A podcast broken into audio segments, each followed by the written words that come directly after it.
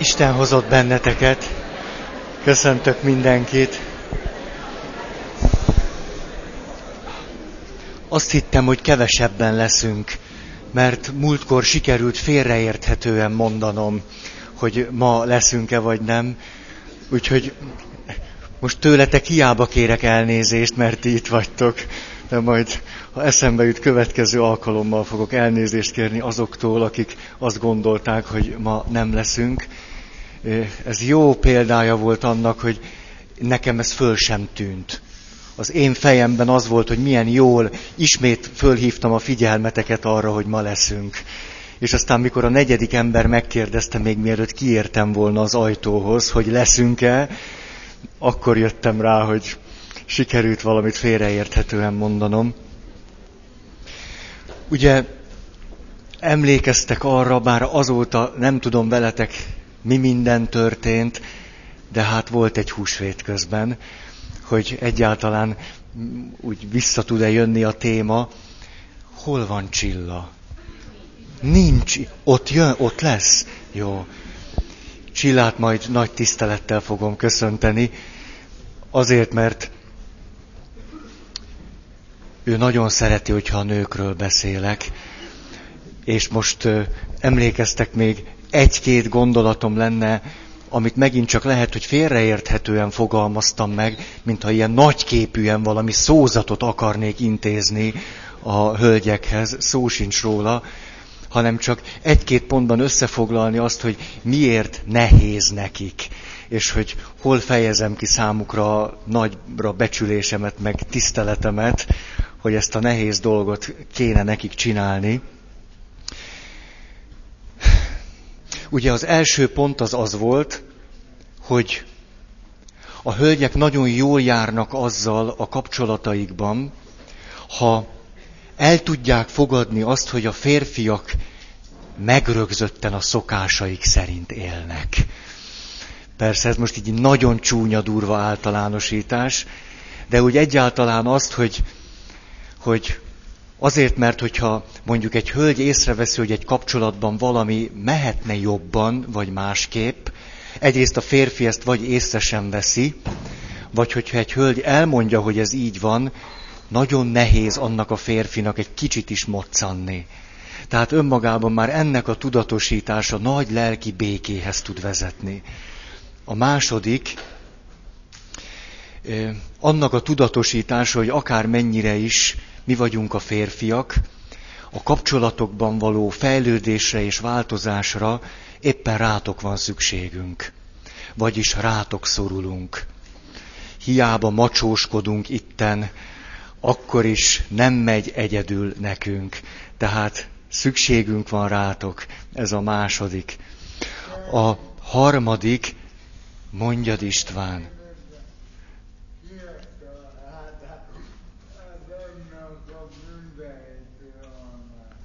Jaj, hát hagyjuk azt az almát. A... Szóval a harmadik az az, hogy amikor föláll egy nehéz helyzet valamilyen kapcsolatban, akkor természetesen minden ember, de talán, talán, talán ez a, a, a hölgyekre igazabb tud lenni, hogy szívesen gondoljuk azt, én mint nő beszélek most, hogy szívesen gondoljuk azt, hogy a másiknak kéne változni.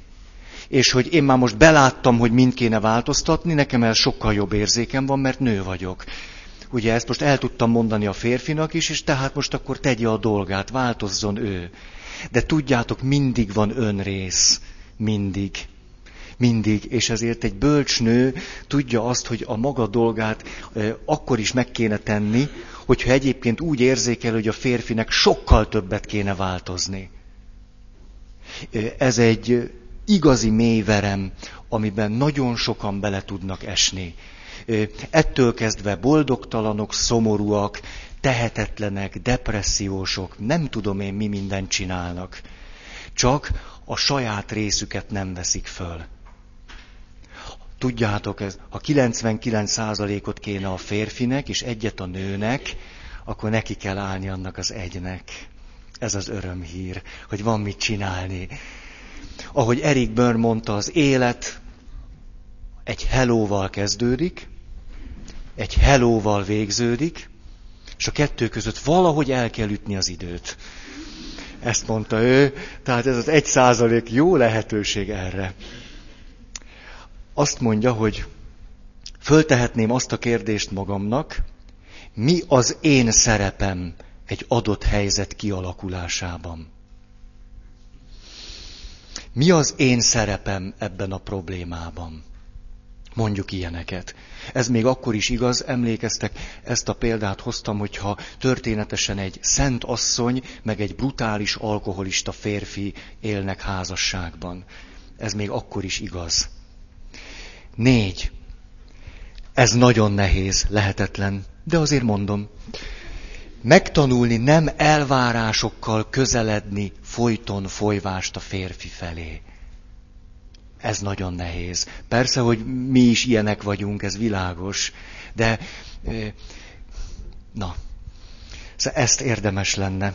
És akkor itt mondtam két klasszikus, klasszikus tévutat, amikor úgy tűnik, hogy a férfi nem felel meg az elvárásoknak, azért meleg, bensőséges, intim kapcsolatra meg szükségem van, mondom én, mint nő. Hát anélkül meg nem tudok élni akkor két klasszikus tévút van. Az egyik, rácuppanok a gyerekekre. És akkor a, hát ha már a férjem nem, akkor majd a gyerekemtől megkapom azt, amit a férjemtől nem. Ez az egyik, egyik legrosszabb megoldás. Ilyenkor történik a gyerekek szülői, szülő, hogy, na van, gyerekek szülői, szülő, szülőes, szülőes, szülői. Na jó van. Bemondanád ezt a szót? Szülősítése. Szülősítése. Na, én nem erre gondoltam, de ez is szép volt. Ez a téliesítése analógiájára akartam, de ezt erre most képtelen vagyok. Jó, tehát szülősítése maradjunk ennél az egyszerű férfinak még megfelelő bonyolultságú szónál. Szóval nagyon könnyen helyezzük a gyerekeket szülőszerepbe. Ez nagyon furcsán hangozhat annak, aki ezt most hallja először. Pedig, pedig. Itt lehetne mondani újabb 7-8 pontot csak erről a mondatról.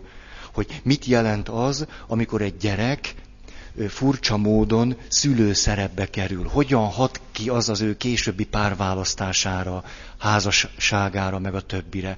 De most ebbe ennyire nem akarok belemenni. A másik, nagyon könnyen megtesszük a gyerekekkel azt, hogy ők lesznek a házastársaink. Nagyon könnyen. Ez roppant furcsa lehet, és mégis így van. Vagy így lehet. Főleg ott, ahol elvált szülők gyerekeiről van szó, az ellentétes, már a szülővel ellentétes nemű, mondjuk legidősebb gyerek potenciális áldozat. Hogy a legidősebb fiúgyerek elkezdjen a férfi, a férj szerepében lenni vagy a legidősebb lánygyerek elkezdjen a feleség szerepében lenni. Potenciális veszély és zavarforrás a nyelv zavarra. Úgyhogy ezt csak így megemlítem, ez az egyik legklasszikusabb tévút, ahova egy nő eljuthat ebben a helyzetben. Ha már a férjemtől nem kapom meg, hát akkor majd a gyerekeimtől. Nem, nem, nem. Agyon terhelem őt azzal, hogy olyan bizalmat fektetek és ébresztek vele szemben, ami nem rá vonatkozik. Agyon terhelem vele. E, ez az egyik klasszikus tévút, a másik pedig, pedig hát mennyire kézenfekvő lenne. A másik pedig, hogy keresek egy rendes pasit. Ez a másik. Most itt ugye egy házasságban élő asszonyról van szó, x gyerekkel mondjuk, és, és a többit nem folytatom. Ez a másik klasszikus Hát, mm-mm. öt.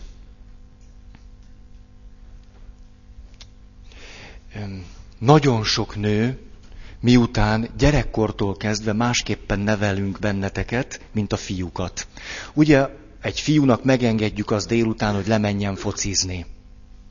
A lánytesókat meg megkérik a szülők, hogy segítsenek mosogatni mondjuk Márti bólogat. A, egy gyerekkortól kezdve átélhetik a lányok azt, hogy sokkal könnyebben mondta az anyuka nekik azt ebéd előtt, hogy jöjjön már egy kicsit segíteni, hogy kész legyen az ebéd. Ilyet a fiúgyerekeknek nem mondott. A fiúgyerekeknek esetleg egyszer-kétszer megpróbálta azt a lehetőséget fölvillantani, hogy mondjuk a kiskanalat kirakhatnák, pont annyit, ahányan étkezni fognak. De hát miután ez nem sikerült többszörre se, lemondott erről. Szóval, ez most így tudom, nagyon banális, meg, meg, meg primitív is, de egy lánygyerek nagyon könnyen Isten hozott benneteket. Nagyon könnyen belenő abba a helyzetbe, hogy miután eleve kapcsolatokban él, sokkal inkább, mint a fiú, mert a fiú a focilabdával él. Egy ilyen interpersonális unióhoz hasonló ö, kapcsolatban. Szóval ezért a lánygyerek nagyon könnyen megtanulja azt, hogy segíteni kell, figyelni a másikra, szolgálni, jónak lenni, kedvesnek lenni, mások jólétéhez hozzájárulni, ilyesmi, és utána meg is kapja a dicséretet. A fiúkat meg engedik a grundon egymást verni, meg püfölni. Ennek később ugye az lesz a következménye, hogy akár milyen is a világ, azért, és a vállások ebben a helyzet, ebből a szempontból nem segítenek a kislányoknak, mert akkor a kislányokra épp a vállás miatt hiába emancipálódnak, nagyon sok teher járul, mert hát ki segítsen az anyunak, hanem a kislány, vagy a nagylány. Vagyis akármennyire is egyenlítősdit játszunk, vagy egyenlőség, meg ilyesmi, azért a kislányok nagyobb számban nőnek úgy föl, hogy számukra természetes és normális az, hogy segítenek a férfinak. A fiúk meg akárhogy is vesszük, nagyobb számban nőnek úgy föl, hogy természetes nekik az, hogy a lányok segítenek nekik. Ez már csak így van. És a házastársi kapcsolatban ez komoly bonyodalmak forrása. Ezért a következő pont az lenne a hölgyek számára, mert most nem arról beszélünk, hogy addig püföljük a férjünk fejét, míg rá nem jön, hogy ez így nem jó, hanem, hogy kifejezem azt, hogy ez nekem nem jó. Nem püföléssel, hanem nyögök. Nyögök, és utána, amikor már sokat nyögtem, akkor mondom szavakban is, mert a nyögést a férfi nem érti. Nem érti nagyon te, Szóval nekünk nagyon ötször el kell mondani ugyanazt. Akkor se értjük még, csak úgy, úgy szóval hogy mondjam, úgy, úgy kezd, kezd megnyílni egy nagy kapu. Ez mikor tárul ki, az egy már, na az megint. Szóval mindenképpen szükségünk van arra, hogy elmondjátok, hogy ez nektek sok. Olyan szép történetet olvastam ezzel kapcsolatban, meg hogy ez milyen, milyen természetesen megy így. Egy Két olyan ember írt egy könyvet, nagyon jó, családterapeuták mind a ketten. És a saját házasságukat írták meg. És azt, hogy a saját házasságukon okulva, és a, a kliensekkel való beszélgetések által hogyan jöttek rá alapvető dolgokra, amelyeket pedig nem tudtak. És akkor a férfi írja azt le, hogy házasság kötés után nagyon pici lakásban laktak, és nem volt étkezőasztal, meg két íróasztal. Vagyis összesen két asztal állt rendelkezésre. A férfinak nyilvánvalóan természetes volt az, hogy az egyik az ő íróasztala. A nőnek meg az volt természetes, hogy amikor valami étkezési idő érkezett, akkor ő lepakolta a saját asztalát, ott megterítettek, ebédeltek, vacsoráztak, reggeliztek, majd a nő visszapakolta a saját cuccát. És ez így ment hónapokon keresztül. A férfi mit gondoltok ebből észrevett valamit? Nem. Nem vett észre semmit, mert számára ez így volt természetes. Most most ke- kezdek aggódni, hogy a férfi, férfi testvéreim, nem tudom, hogy, hogy éreztek most irányomban. A, de hát mindegy, mindegy. Szóval mi meg ezt nagyon gyakran nem vesszük észre. Ettől mi még szeretünk benneteket, vagy legalábbis azt hisszük. Ne, most ezt már, már kiérezek itt mindent. Tehát tényleg bennünk, bennünk repes a szeretet, nagyon jó veletek, ilyesmi, csak ezt nem vesszük észre. És ahogyan ez a férfi írja tovább a történetet, és egyszer csak a feleségem sok hónap után, miután minden nap, naponta háromszor le kellett pakolni, visszapakolni, elsírta magát, és azt mondta, hogy hát te el se tudod képzelni, hogy nekem mennyire elegem van abból, hogy mindig nekem kell ezt lepakolni, meg fölpakolni. És a néhány év múlva már családterapeuta következő választ mondta, hát valakinek meg kell csinálni. Ezzel most a hölgyeket akartam bátorítani, hogy egészen reménytelennek tűnő férjeik is még családterapeutává válhatnak, de ha nem is, egész rendes férjek lehetnek belőlük, pedig így kezdték. Szóval, a, ez a könyvnek az első mondjuk harmadik, negyedik oldalán olvasható történet, és ez még csak a semmi kategóriája.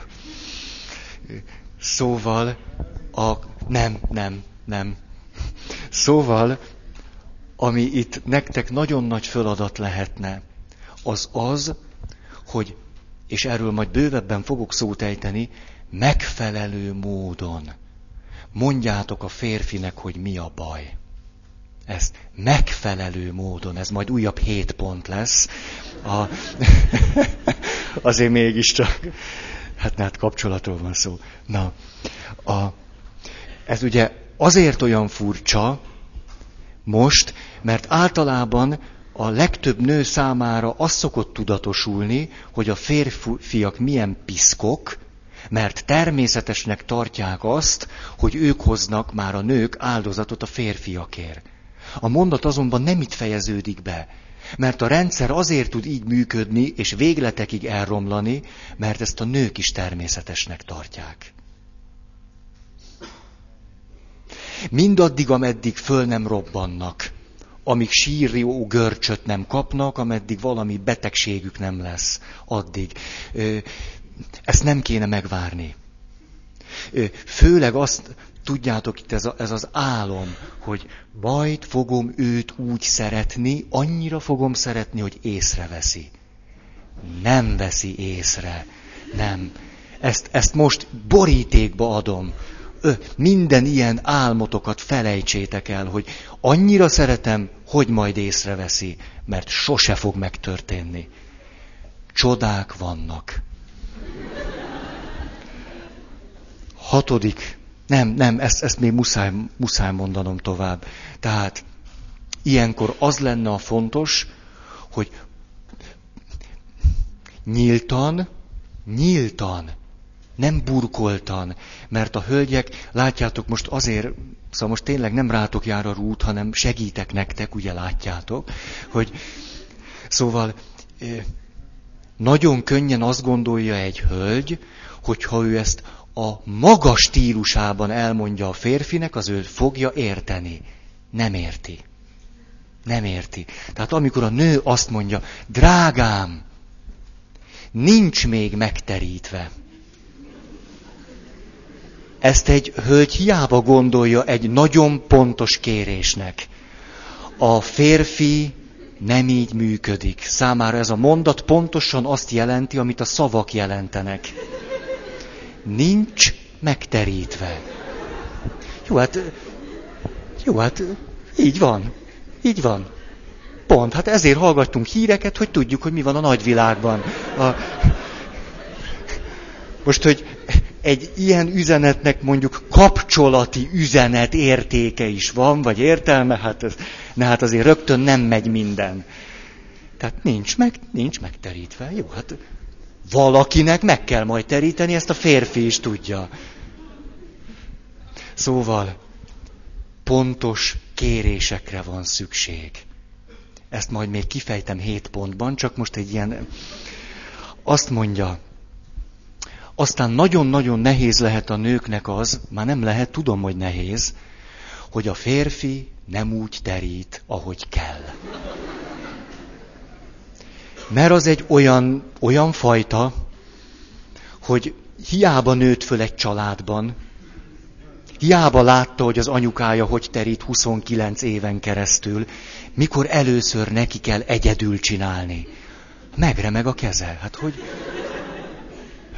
hogy hogy is van ez? Melyik van alul, meg fölül, meg melyik oldalra kerül a szalvéta? Szóval a nőknek az lehet nagyon nehéz, hogy ebben az esetben rögtön hülyének tartják a férfiakat. De legalábbis elvárják tőlük azt, hogy az úgy legyen, ahogy kell. Ugye, és akkor itt egy egész világot lehet ez alatt érteni, hogy úgy legyen, ahogy kell. Tehát hatalmas, hatalmas ajándék egy férfinek, meg az egész kapcsolatra nézve az, hogyha egy nő képes elfogadni azt, ahogy a férfi terít. Most az más kérdés, hogy utána egy-egy pontos kérés formájában szabad ezt a dolgot egy kicsit javítani. Hogy nagyon örülök annak, hogy két mély tányért tettél, de éppenséggel a másik szekrényben lapos tányérok is vannak. És akkor azokat lehet alulra tenni. Mert tényleg tudunk két mélytányérból is enni, ez világos. Erre egy nő is képes, de hát mégiscsak. Hogy néz ki a rántott szelet azon az izén? Na, a... Igen. Jó, a, a hét pontot majd később mondom, most menjünk tovább. A, az alárendelt helyzetben az önmagát alárendelt, kiszolgáltatott, nem eléggé szeretett, nem egyenlő kapcsolatban magát megélő hölgyek, nagy-nagy veszélye az, ami persze aztán a kapcsolatra nézve nagy veszély, hogy kerülő úton akarják megszerezni azt, amit nagyon pontos, egyértelmű, megfelelő módon való kérések és beszélgetések által nem tudnak, nem akarnak, nem mernek, stb. megkapni. Mondom ezeket a klasszikus, klasszikus dolgokat, amitől a kapcsolat megy tönkre. A, ezek csak ilyen, ilyen vázlatok teljesen, szóval még, még mindegyiket öttel ki lehetne egészíteni. Az egyik, praktikákkal él a nő. Manipulál, ügyeskedik. Ezt én egyáltalán nem ajánlanám senkinek. Eszembe jutott az, ahogyan minisztráns gyerekeknek nagyheti szertartás fontos napjain eligazítást tartottam. És tudjátok, én férfiként elmondtam, hogy oda megyünk, ide állunk, ezt csináljuk, csöngetünk, lerakjuk a csöngőt, előre megyünk, megállunk, letérdelünk, elpróbáljuk, van-e kérdés? Nincs. Gondoltam én, hogy a dolog meg van oldva a legnagyobb minisztráns lány, aki a kicsiknek tanítja a minisztrálást, következő kérdéssel fordult hozzám. Atya, akkor most elmondhatom a praktikákat?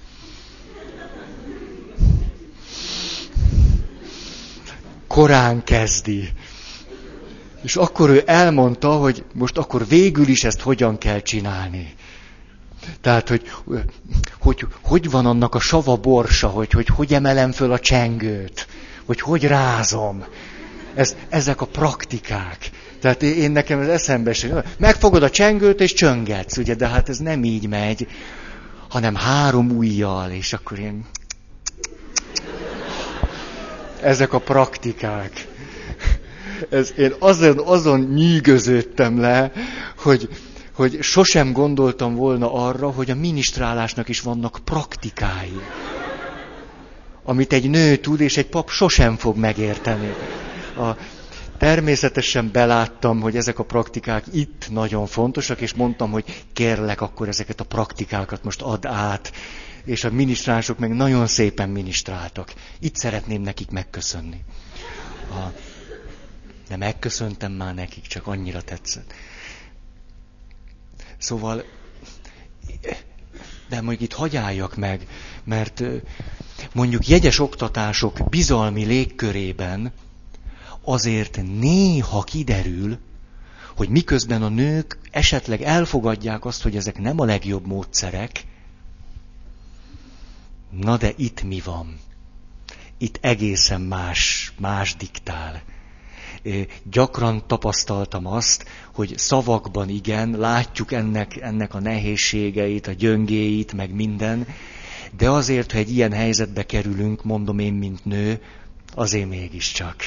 Azért az a jól bevált módszer, aminek a későbbi káros hatásait meg majd szüretelhetjük le. Második, bűntudatkeltés. Hát, rövid távon sikerül vele eredményeket elérni, talán. Hosszú távon kifejezetten káros. Mondjuk, hogy mondja a feleség a férfinek, hogy vagy képes itt ülni ilyen nyugodtan, amikor a gyereked intőt hozott haza? Ezt bűntudatkeltésnek nevezném lehetne ezt nyíltan mondani. A nyíltan nem azt jelenti, hogy te bunkón, álljál már föl, mikor a gyerek intőt hoz. Ne, nem ez a nyílt, hanem hogy azt mondani, hogy és ezt találjátok ki, hogy mit. Például azt mondani, hogy valamikor beszélnünk kéne arról, hogy a nagyfiunk intőt kapott az iskolában. Mikor lenne neked jó?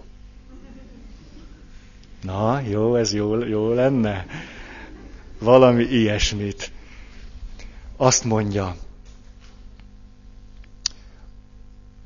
szexualitás megvonása, szexuális kapcsolat megvonása, mint büntetés, mint, mint megtorlás, mint ilyesmi. Ezzel hihetetlen nagy öngólokat lehet rúgni, mert éppen ott sebződik leginkább a bizalom, nyilván. Tehát ezt be, a, a szexuális kapcsolatnak az intimitásait bevonni ilyen küzdelmekbe, játszmákba, bosszúba, adokkapokba, ezt a legkevésbé tartom szerencsésnek. Aztán, ami ennél egy kicsit enyhébb, kacérkodni. Itt megint természetesen nagyon jó lehet egy nőnek, ha nőnek érzi magát. Ezt én is át tudom érezni. A, ez, ez egy, hogy is mondjam, fölemelő érzés.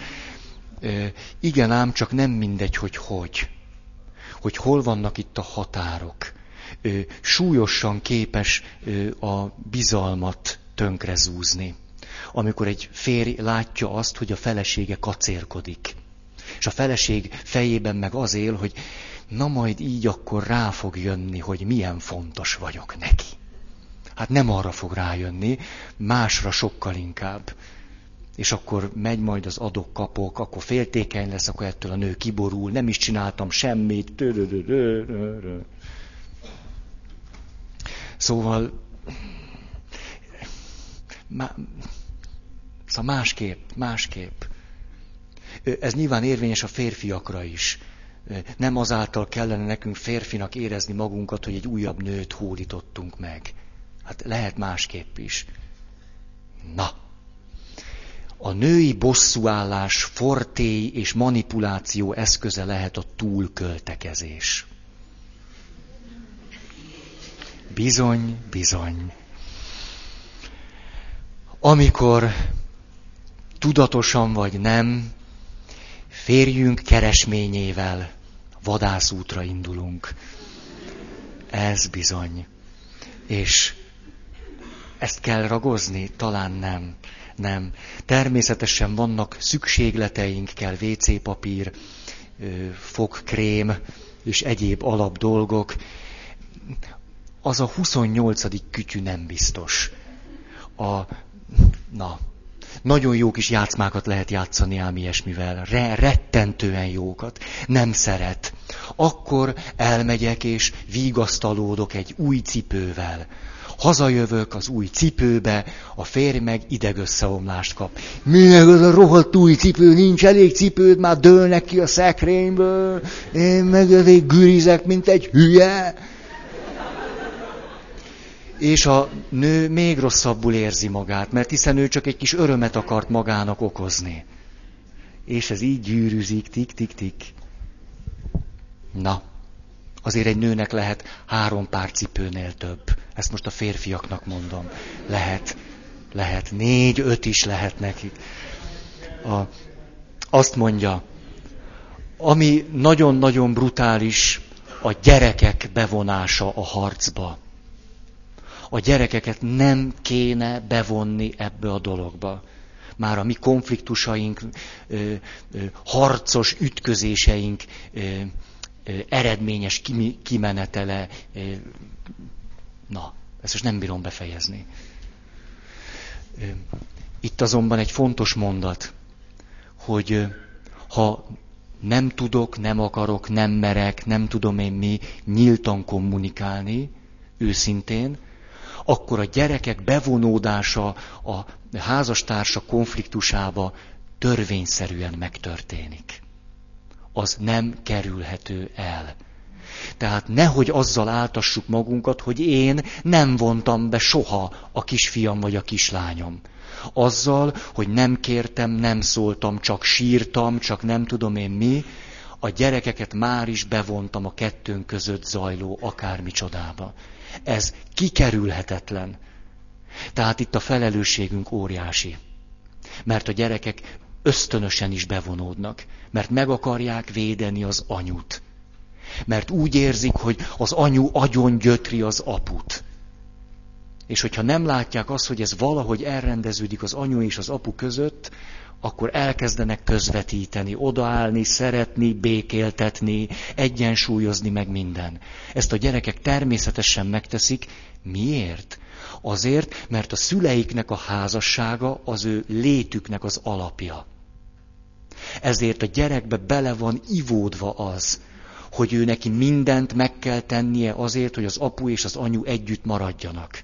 Mert ha apu és anyu nem maradnak együtt, akkor mi lesz vele? Tehát egy gyerekben nem kell fölkapcsolni egy villanykapcsolót, hogy, hogy elkezdje ezt csinálni. Ezt ő meg fogja tenni kérés nélkül. Sokkal előbb, mint hogy a szülők erre ráébrednének, hogy ez már is így van. Hm. És akkor Csilla még mindig nincs itt. Hát látjátok, már nem jön. Ezt neki külön el kell majd mondanom. Azt mondja, és ez megint csak félre is érthető, meg nagyon nehéz is.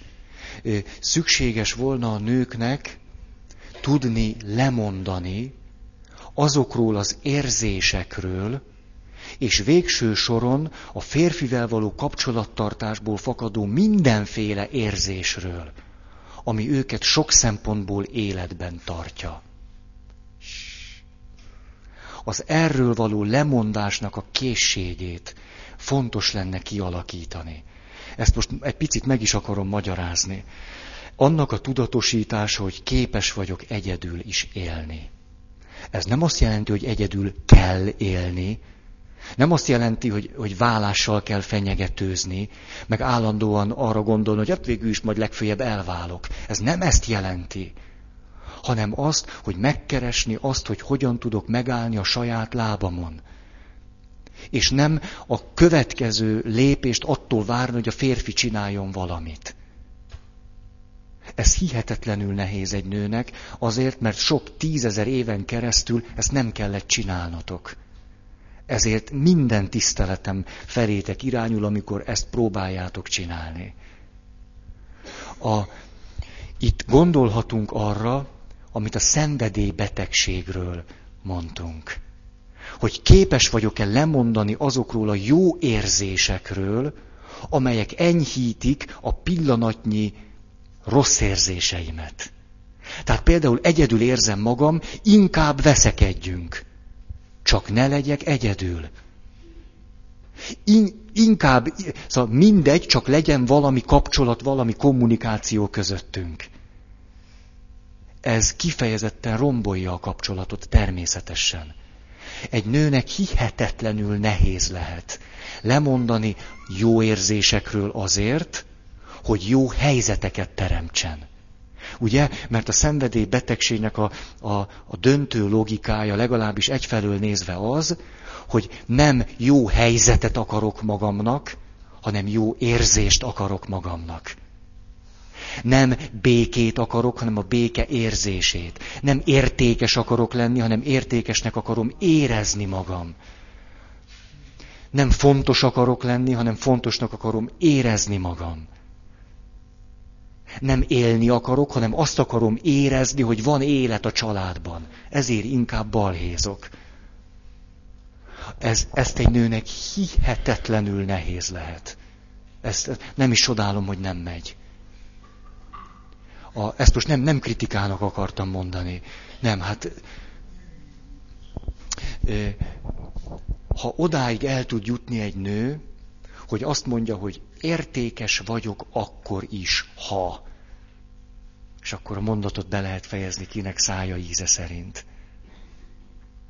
Ez hihetetlen teher lehet egy nőnek, ezt, ezt kibír. Szóval ezekben a bizonyos helyzetekben csöndbe maradni, az a mestermunka.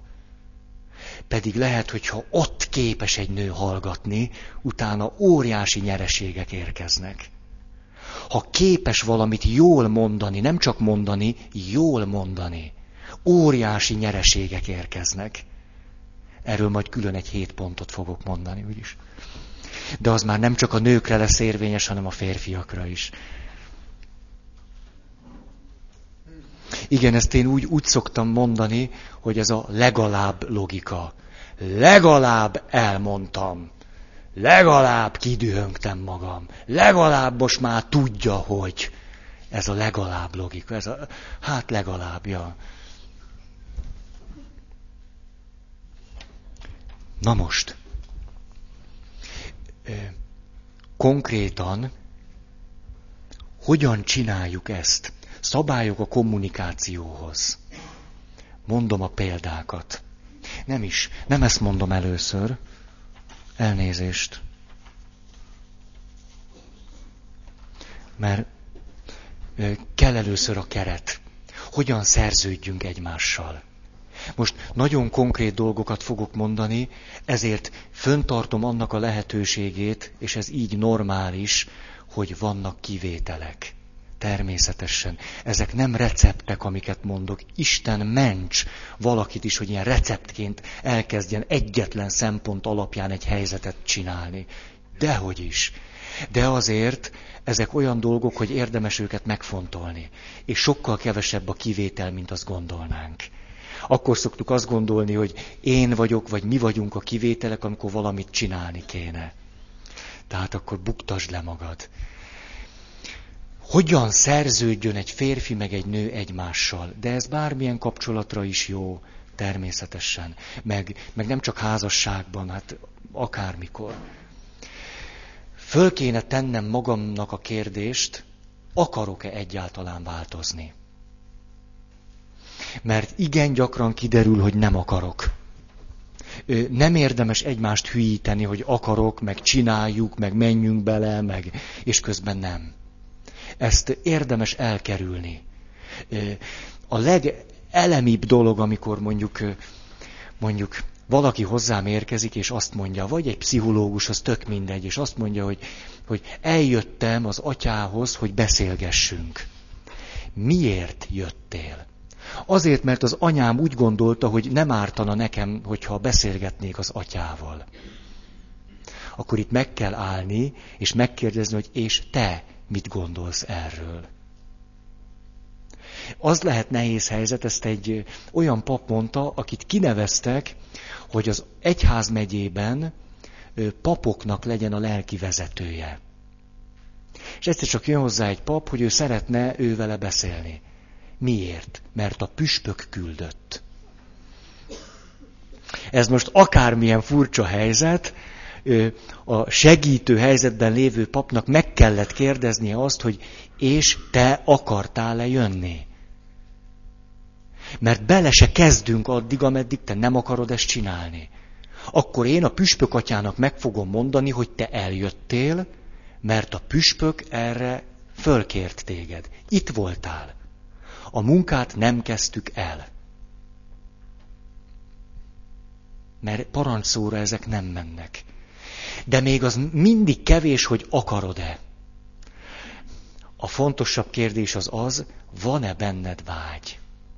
vágyakozol-e arra, hogy változzál? Vagy változzon a kapcsolat, vagy valami jobb legyen, vagy más legyen. Mert az akarat nem elég. Ha csak az akarat van benned, borítékolni lehet a kudarcot. Vágyra van szükség. Van-e benned valamilyen komolyabb motiváció? Ezt én úgy nevezem, hogy vágy. Nagyon jó motiváció lehet olyasmi is, amit egyébként nem sokra értékelünk. Például a félelem. Félelem. A félelem nagyon komoly vágyat kelthet bennünk valamire. Ahogy készültem, bele-bele néztem, mert azt nem bírom ki, hát szóval úgy vágyakozom a természetbe. És egy eszméletlen jó film volt, valaki a világon, legalábbis hát most ez, ez így, így adták el a filmet, először egy szál egyedül végigjött az Amazonason. Az eredéstől a tengerig. Hat, azt hiszem 6500 kilométer. Egy szál maga. És kér, miután végigment ezen, kérdezték tőle, hogy miért csinálja. És erre a következő választ adta. A félelem hajt. Mindaddig csinálni fogok ilyesmit, ameddig van bennem félelem. Mert amíg átélem azt, hogy félek, addig hajt valami arra, hogy urrá legyek ezen a félelmen. Ha eljön az a nap, amikor már nem fogok félni, és kint állok az őserdőben, vagy a folyón, akkor abba fogom hagyni. Mert az első pillanat, amikor már nem félek, azt fogja jelenteni, hogy marhasságokat fogok csinálni. Azt meg nem akarok. Mondta egy ilyen valaki. Tehát éppenséggel még a félelmet is a vitorlába ö, szélgyanánt fölhasználhatjuk. Itt nyilván sokkal jobban járunk vele, ha öröm van bennünk, meg, meg lelkesedés, meg nem tudom, ilyen szép dolgok. Ezt most csak azért mondom, hogy egyáltalán nem baj az, hogyha ilyen dolgok is segítenek nekünk. Miért volna baj az, amikor mondjuk egy férfinek hosszú-hosszú évek után először a szívéig elhatol az, hogy a házasságunk tönkre mehet és ettől megijed. És az ijegysége elindít benne egy vágyat, hogy változzon. Miért kéne leértékelni akkor ezt a félelmet? Dehogy kell. A másik a harag. A harag is nagyon romboló lehet, de befoghatjuk ebbe a vitorlába. Például mondjuk egy, egy harcos férfi, van ilyen. Egy harcos férfi mondhatja azt, hogy na nehogy már pont ezt ne tudjam megoldani. És akkor fölfoghatja ezt egy nagyon jó küzdelemnek. Jó értelemben, de nem a feleségével küzd, magával. Harcol. És iszonyatosan dühös magára, hogy más dolgokat meg tudok csinálni. Ezt a pitiáner kis dolgot, hogy házasság nem vagyok képes jól csinálni, ezt a kis üzét és legyen dühös magára a szíve mélyéből. Nyugodtan. Szóval itt bármilyen jó, erőteljes érzést tudunk használni, de nem a másikkal szemben, hanem jó értelemben. A vágy nagyon fontos. Vágy nélkül semmi sem megy. Erről már olyan sokat beszéltem. Ugye Dél-Amerikában erre van is egy szó, hogy valaki azt mondja mondjuk bezárják az üzletet. És akkor kérdezik a, a, a vásárlók, akik jönnének, hogy hát hogy, hogy bezárt, hatig kellene, hogy nyitva legyen. És ha a boltos azt mondja, hogy igen, de nincs hozzá kedvem, akkor azt mondja, jó, jó, akkor, akkor, akkor értjük. Akkor értjük. Nincs kedve, akkor nyugodtan bezárhat. Ez persze így nagyon arhaikus megoldása a dolognak, de de jól mutatja azt, hogy vágy nélkül semmi sem megy előre. Ezt valaki úgy fogalmazta meg, hogy a vágy olyan, mint az autóban a benzin. Vagy a motorolaj, vagy nem, vagy mi az, mi az, dízel, vagy gázolaj, gázolaj. Nekem sose volt dízel autóm. A, hiába van marha jó kocsim, mint ahogy van, a, hogyha nincs benne benzin, akkor nem tudunk sem erre sem menni.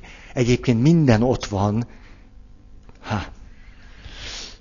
Szóval, ezért vagyok egy kicsit, szóval tudjátok, jaj, most, most a paptestvéreimmel kapcsolatban szeretnék egy picit óvatosan valamit mondani, hogy én nagyon értem azt, mikor a papok arra hivatkoznak, hogy a szeretet az döntés kérdése, akarat kérdése. Jó, jó, jó, persze. Az mindenképp kell hozzá, nem lehet azt kispórolni. De azért vágy nélkül.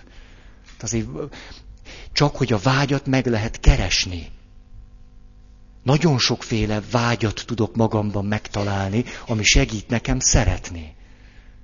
Nem föltétlen az az egyetlen vágy létezik, hogy ránézek valakire, olyan szimpatikus. És akkor már is vágyakozom vele beszélgetni. Hát nem ez az egy vágy létezik, hanem sok. Na, már most olyan, nem, tudjátok, olyan bénán érzem most magam, ilyen, ilyen, ilyen didaktikusnak, meg ilyen okoskodónak. Na jó, fúj. A, tehát fölteszem a kérdést, hogy akarok-e valóban, igen, valóban változni, van-e bennem vágy? Hajlandó vagyok-e másképp cselekedni? Ez egy kulcsmondat. Ezt a kérdést tett föl magadnak. Hajlandó vagyok-e másképp cselekedni? Mert ameddig csak óriási bűnbánatokat tartunk, a fene megette az egészet. Belátom, hogy hibáztam. Na hát, és akkor mi van? Semmi. Hajlandó vagyok-e másképp cselekedni? Azért érzem ám rosszul magam, most ezt elmondom. Én nem is tudom már hol valami, és néhány nappal ezelőtt egy, egy valami újság, talán a, valami újságnak a legelején láttam ezt, hogy a benzinkútban ebédet vásároltam magamnak, hogy a legripacsabb ö, műsorvezetők listája. Egy ilyet láttam, és én ezt úgy a szívemre vettem, hogy te jó égen hanyadik helyre kerülnék ezen a listán. Anetka volt az első helyen, és, és arra gondoltam, hogy lehet, hogy rögtön én lennék a második. Azért fordítva, jó van, köszönöm.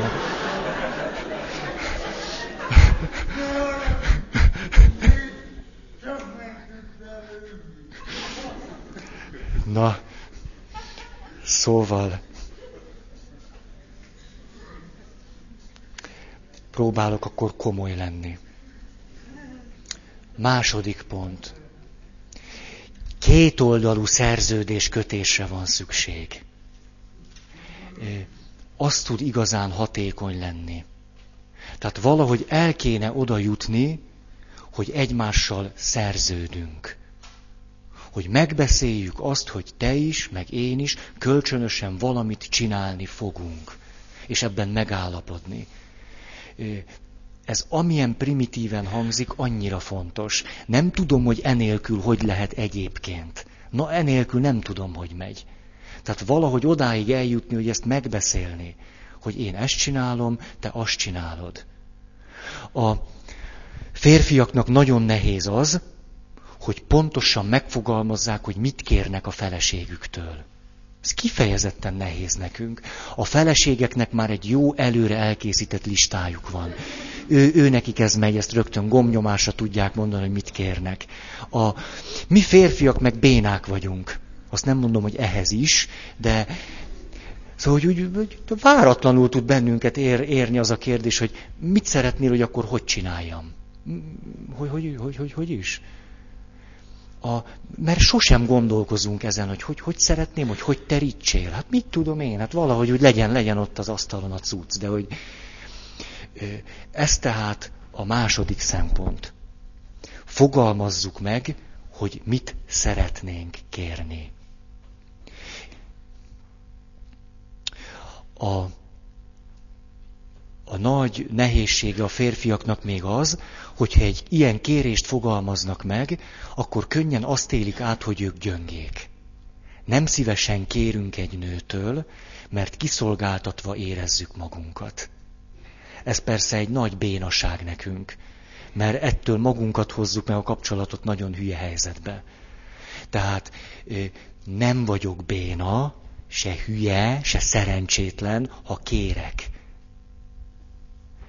Persze, ha a nő manipulál engem ezután, akkor magára vessen. Mert akkor azt levelem, revelem, na. Akkor ugye megkapja csőstül. Így szokott menni. Harmadik pont. A célokat cselekedet szintjén határozzuk meg. Tehát világértse, csak ezeket már olyan sokszor mondtam, csak világértse mondjuk azt, hogy úgy szeretném, hogyha örülnél annak, amikor hazaérek. Ezeket ne, ne. Hogyha mindig mosolyognál és vidám lennél. Ezek, ezek értelmetlenségek. A, a kéréseink ne a személyre vagy a személyiség változására irányuljanak. Tehát ne arra például, hogy úgy szeretném, hogyha nem félnél minden kis apróságtól. Ez egy marhaság, hát ilyet nem, ne kérjünk. Azt mondja, azt kérhetem például, hogyha megijedtél az egértől, ne a herendit vágd oda. Ez egy konkrét, jó kis kérés. Erre pedig a feleség megkérheti a férfit, hozzá néhány műanyag étkészletet, hogy legyen mit odavágni. A, emlékszem én egy nagy csalódásomra, egyszer mentem a, a, egy régebbi, régebbi lelkivezetőmhöz. Hát szoktam őket cserélgetni. És akkor mondom, hogy hát én ebben a helyzetben most, most teljesen tehetetlen vagyok, nagyon, nagyon azt se tudom, mit csináljak, és be vagyok ijedve. És a lelkivezetőm azt mondta nekem, Feri, ne félj, hát ne félj. És ez volt az a pillanat, hogy tudtam, hogy lelkivezetőt kell váltani. Ez most persze így ebből a két mondatból még nem lehet világos nektek, de nekem világos volt. Mert pontosan lehetett tudni, hogy ő tehetetlen mert azt kéri tőlem, hogy én ne féljek, hogy nem tud nekem segíteni.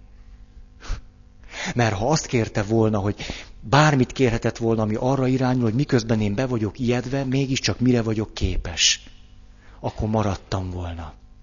De hogy azt mondta nekem, hogy Feri, hidd el, nem kell félned. Na, az volt az utolsó alkalom. A Hát nagyon szeretem őt, csak nem, nem jó nekem lelkivezetőnek. Hát a, a másik, ugyanez, hogyha azt kéri tőlem valaki, hogy jó, jó, értem Feri, de ne légy dühös. Már hogy a fenében ne legyek dühös? Dehogy nem vagyok dühös. Ne kérje egy nő a férfitől, hogy ne legyen dühös. Ne, ez, ne, ez, ne, ne, ne, hagyd legyen dühös. És akkor kidühösködi magát, azt lehet kérni, hogy kérlek, amikor dühös vagy, ne az én anyukámat szid. Ezt lehet kérni. Adjunk időt és teret egymásnak a változásra. Ez nagyon nehéz, mert mindent akarok, azt most rögtön, de azonnal. Úgy, hogy szólt ez a nóta, mindent akarok, rögtön azonnal, egy ilyen punk szám, ilyen, és közben a gitárt kell tépni, mindent akarok, de azt most rögtön azonnal, ez valahogy így ment az én ifjú koromban. A szokásaink rabjai vagyunk természetesen. Tehát amikor megbeszéljük azt, hogy valamit másképp fogunk kölcsönösen csinálni, ugyan miért bírnánk ezt megtenni rögtön? Persze, hogy nem megy. Mondok is egy példát. 22 éven keresztül úgy ment nagy csütörtökön a lábmosás szertartása, hogy azok, akik az apostolokat szimbolizálták a templomban, a hívekkel szemben foglaltak helyet, így, ahogy most vagyok, és a pap ott ö, térdelt előttük, és megmosta a lábaikat. Ez ugye világos. Na most én arra gondoltam, hogy ez nem annyira jó dolog. Mert hát ha ők a többieket képviselik, és egyébként is nem biztos, hogy egy teli templomban húsvétkor a lábukat akarják mutogatni, lehet, hogy izzadt, meg büdös, meg ilyesmi. Mi lenne, hogyha megcserélnénk? Vagyis, hogy én megyek oda, ők ülnek pontosan ugyanúgy, ahogy ti ültök, háttal a többieknek, és én látom csak a lábukat. És én vagyok az emberekkel szemben. Ezt háromszor elmondtam a minisztránsoknak. Háromszor, háromszor, háromszor. Jön a szent pillanat, hogy ki kellett tenniük a székeket.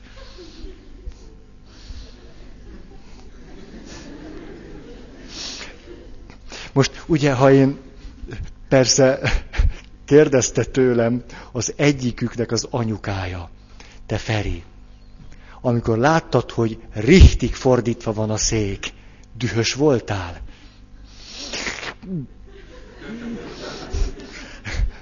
Igen, dühös voltam, de azt tudtam, hogy 22 és fél éven keresztül, ha valahogy rakták a széket, én hiába mondom el háromszor egymás után, egy olyan helyzetben, ahol ő egy kicsit izgul, meg fél, meg pont benne van, úgy fogja csinálni, mint addig.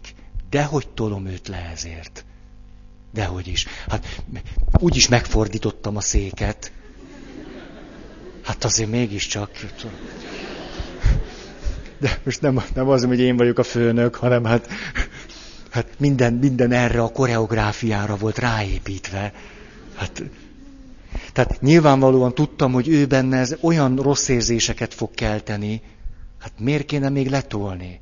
Hát megbeszéltük, ő tudja, hogy ő rontotta el. Hát,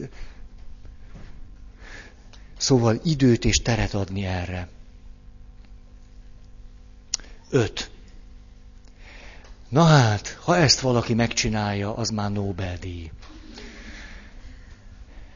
Néha meg kéne állni, leülni, tehát ez a sorrend megállok, leülök. Kezemben papír és toll. És leírom néhány mondatban, hogy mit sikerült megcsinálni, és mit nem. És akkor ezzel a kis papírral megyek a megbeszélésre a házastársamhoz. Ez most nagyon bután hangzik. Pedig muszáj lenne egy kicsit átgondolni, és aztán el is mondani hogy én erre törekedtem, ezt próbáltam csinálni, tudom, hogy ez nem ment jól, de pedig erre figyeltem. Miért olyan nagyon fontos az, hogy magamat ellenőrizzem? Mert ha nem teszem meg én, majd ellenőriz a házastárs, házastársam.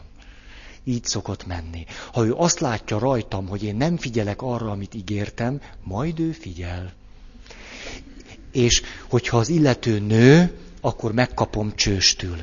Tehát a férfiaknak pláne, pláne, pláne érdemes leülni és átgondolni, hogy mi a fenét is csináltam én. Hétfőn megígértem, most vasárnap este van. Mit is csináltam én? Érdemes ezt, na.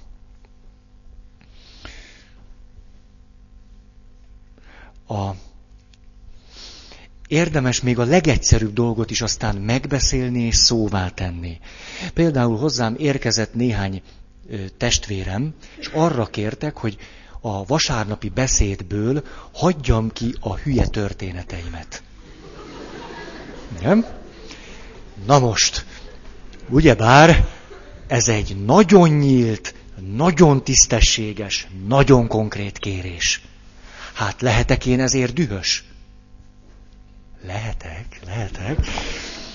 Lehetek dühös, de ezt a kérést meg kell hallani, mert ez egy, ráadásul egy női tímtől származott, nyíltan, őszintén konkrét dolgot kértek a paptól. Ez önmagában dicséretes. Ezért aztán elhatároztam, hogy egész nagy bőjtben, beszédeimben egyetlen történetet se fogok mondani. Ezt én eldöntöttem. Így fogok cselekedni és amit mondtam, megtettem. Igen ám, ténylegesen nem mondtam én egyetlen történetet se, okoskodtam. Hogy ez miért jó, nem tudom, de én okoskodtam. Na, ö, aztán, amikor ezt megtettem, és elérkezett az a pillanat, hogy vége volt a nagybőjtnek, akkor találkoztam ugyanezekkel az emberekkel, és elmondtam nekik, hogy ugye észrevettétek, hogy nagybőjt vasárnapjain egyetlen történetet sem mondtam el. Egyet se. Ezt értetek tettem. De én nem nagy képüsködni akartam ezzel, egyszerűen csak ki kell mondani. És ez nagyon fontos volt, mert erre ők azt mondták, hogy nagyon is észrevettük. Ez nekünk nagyon jó volt. Köszönjük. És tudjátok, mi volt utána? Két dolgot mondtak. Az egyiket többször is mondták, a másikat most mondták először. Amit többször is mondtak, az az volt. Tudod, Feri, mikor ment ez így hétről hétre, akkor elszégyeltem magam, mondta az egyik. Mert megint arra kellett eh, ráeszmélnem, hogy te több lépést teszel felénk, mint mi te feléd.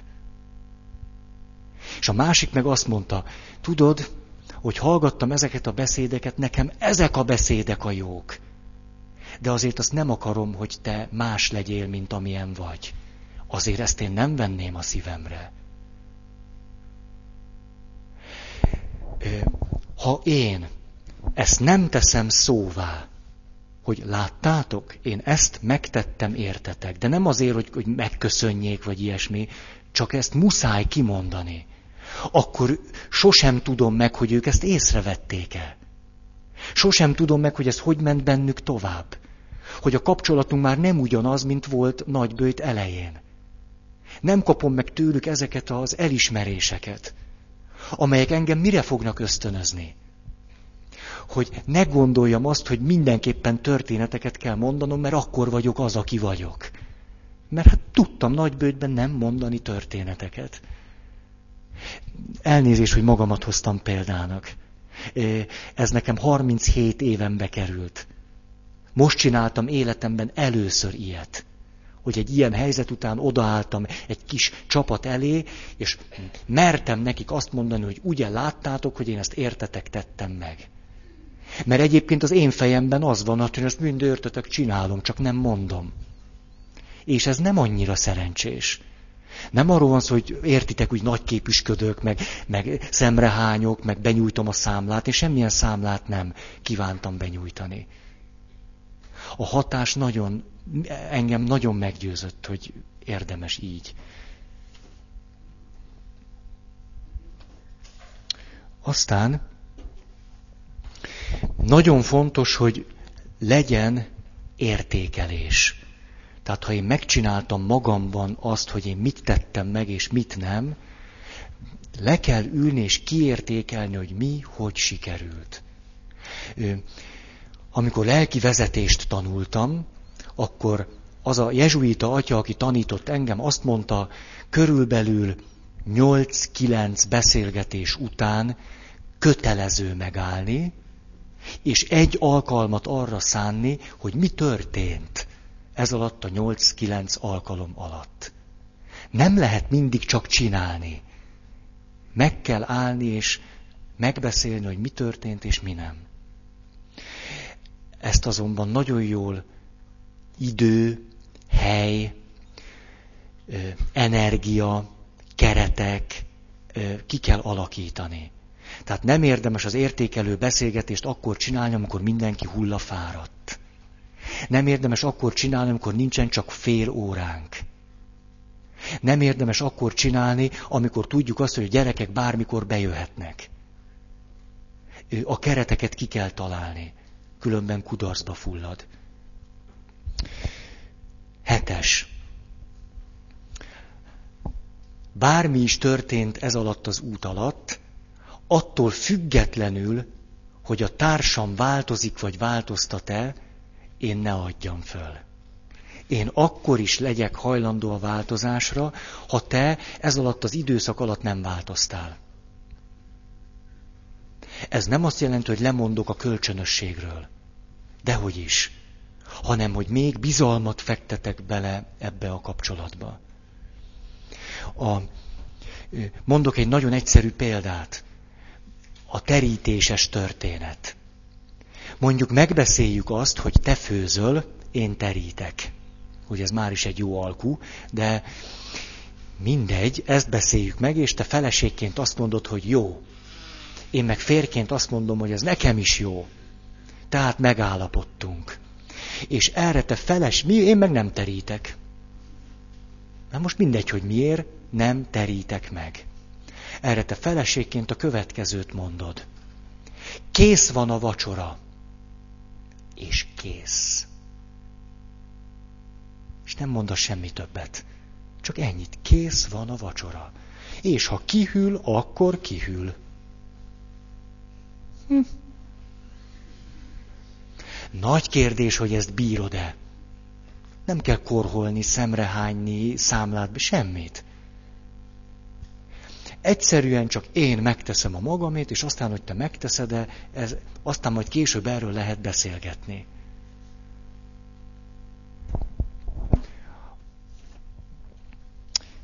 És az utolsó őszinte elismerése annak, hogyha valami eredmény született. Ez nagyon lényeges lenne. Az eredmények fölött örömtáncot kell járni. De ezt már sokszor mondtam. A legkisebb eredmény is ok arra, hogy ünnepeljünk. A legkisebb változás is. Na most, tiltott fegyverek. Most jön ez a lista. Mi az, amit semmiképp se csináljunk? Nem azért kezdtem valami pozitívval, hogy ne a negatív legyen elől. Tilos vállással fenyegetőzni. Ne fenyegessük a másikat vállással. Azért, mert ez súlyosan roncsolja a bizalmat. Nagyon súlyosan. Annál rosszabb, ha nem gondolod komolyan. Mert ha komolyan gondolod, akkor, hát akkor jó, akkor legalább, legalább elmondtad, hogy mire, miről gondolkozol. De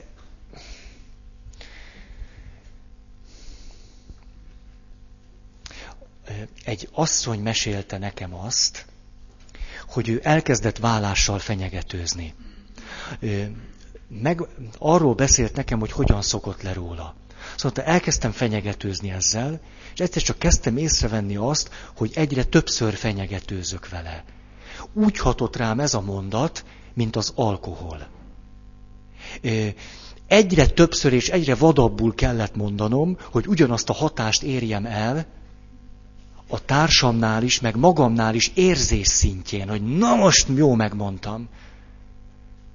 És amikor eljutottam oda, hogy, hogy már szinte minden nap ezt mondtam, és nem is akárhogy, akkor rájöttem, hogy ez, ez teljességgel értelmetlen. Tehát ne fenyegessük a másikat a kapcsolatnak a megszüntetésével. Ha eljutok oda, hogy még egy nap, és te nem csinálsz semmit másképp, akkor megőrülök, ezt lehet mondani. Szabad azt mondani a másiknak, hogy nézd, én most eljutottam oda, hogyha holnap nem terítesz meg, én el fogok itthonról menni. De ez nem fenyegetőzés, hanem elmondtam, hogy én most itt tartok. Hogy hova megyek, és mi lesz ezután, nem tudom. De el fogok menni, mert ezt most nekem itt elegem lesz. Ezt szabad mondani. De nem kell fenyegetőzni. A, emlékeztek a jezsuita atyára, aki azt mondta, hogy még egy évet kell ezt a munkát csinálnom, meg fogok őrülni. Az előjáró múlik, hogy elhelyeze vagy nem. Úgy persze, hogy elhelyezte. Tehát szabad, szabad.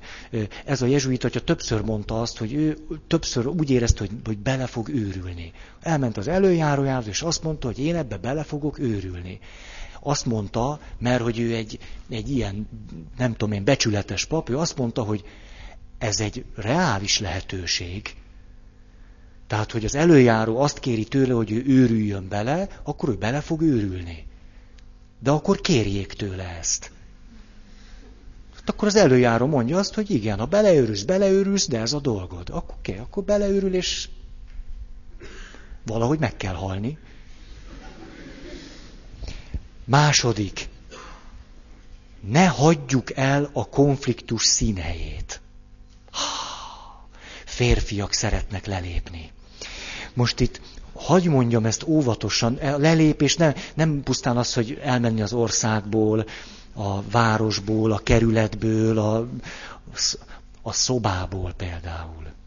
Itt nem arról van szó, hogy, hogy kössük le magunkat, hanem Nyilván, ha két dolog között kell választani, hogy megfojtom, vagy lemegyek futni, akkor a másodikat válasszuk.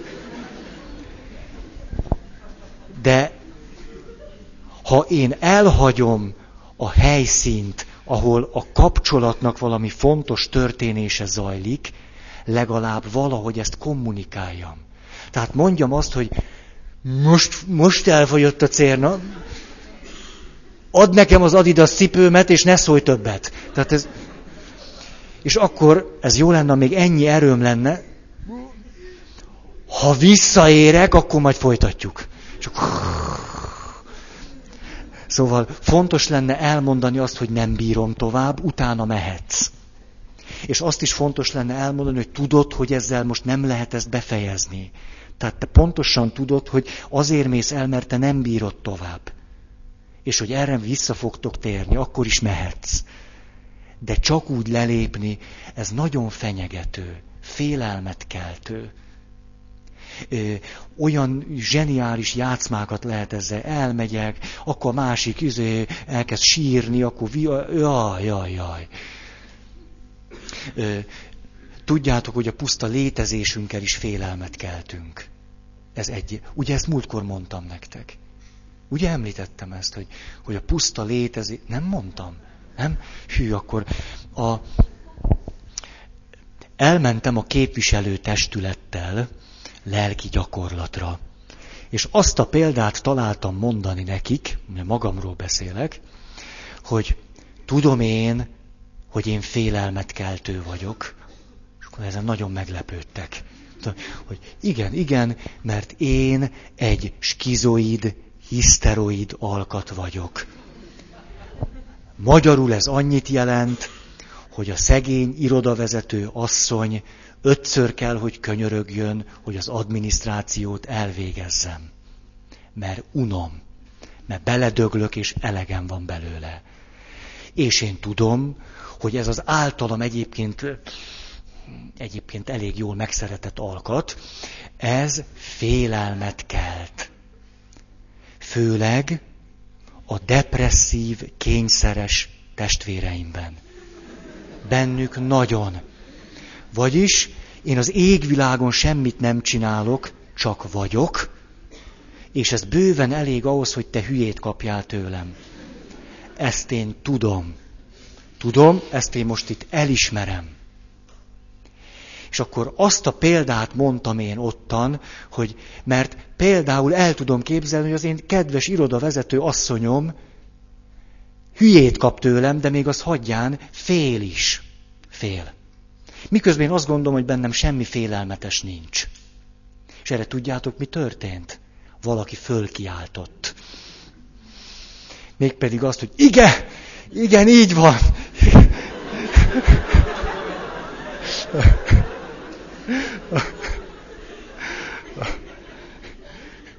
Nem ő volt. A slusszpoén az, hogy nem ő volt. Nem az irodavezető asszony kiáltott föl hanem más valaki. Ő is úgy tűnik, hogy egy depresszív kényszeres testvérem. Az kiáltott föl. Végre kimondhatta azt, hogy félelmet keltek benne. Na most, ha a puszta létezésemmel félelmet tudok kelteni, már pedig tudok, akkor egy olyan ártatlannak tűnő dolog, hogy rácsapom az ajtót és lelépek, azért mégiscsak súlyosan roncsolja a kapcsolatot. És akkor most, most befejeztem. A Anetka szelleme megint elért. A... Van-e valaki? Jövő héten leszünk. Itt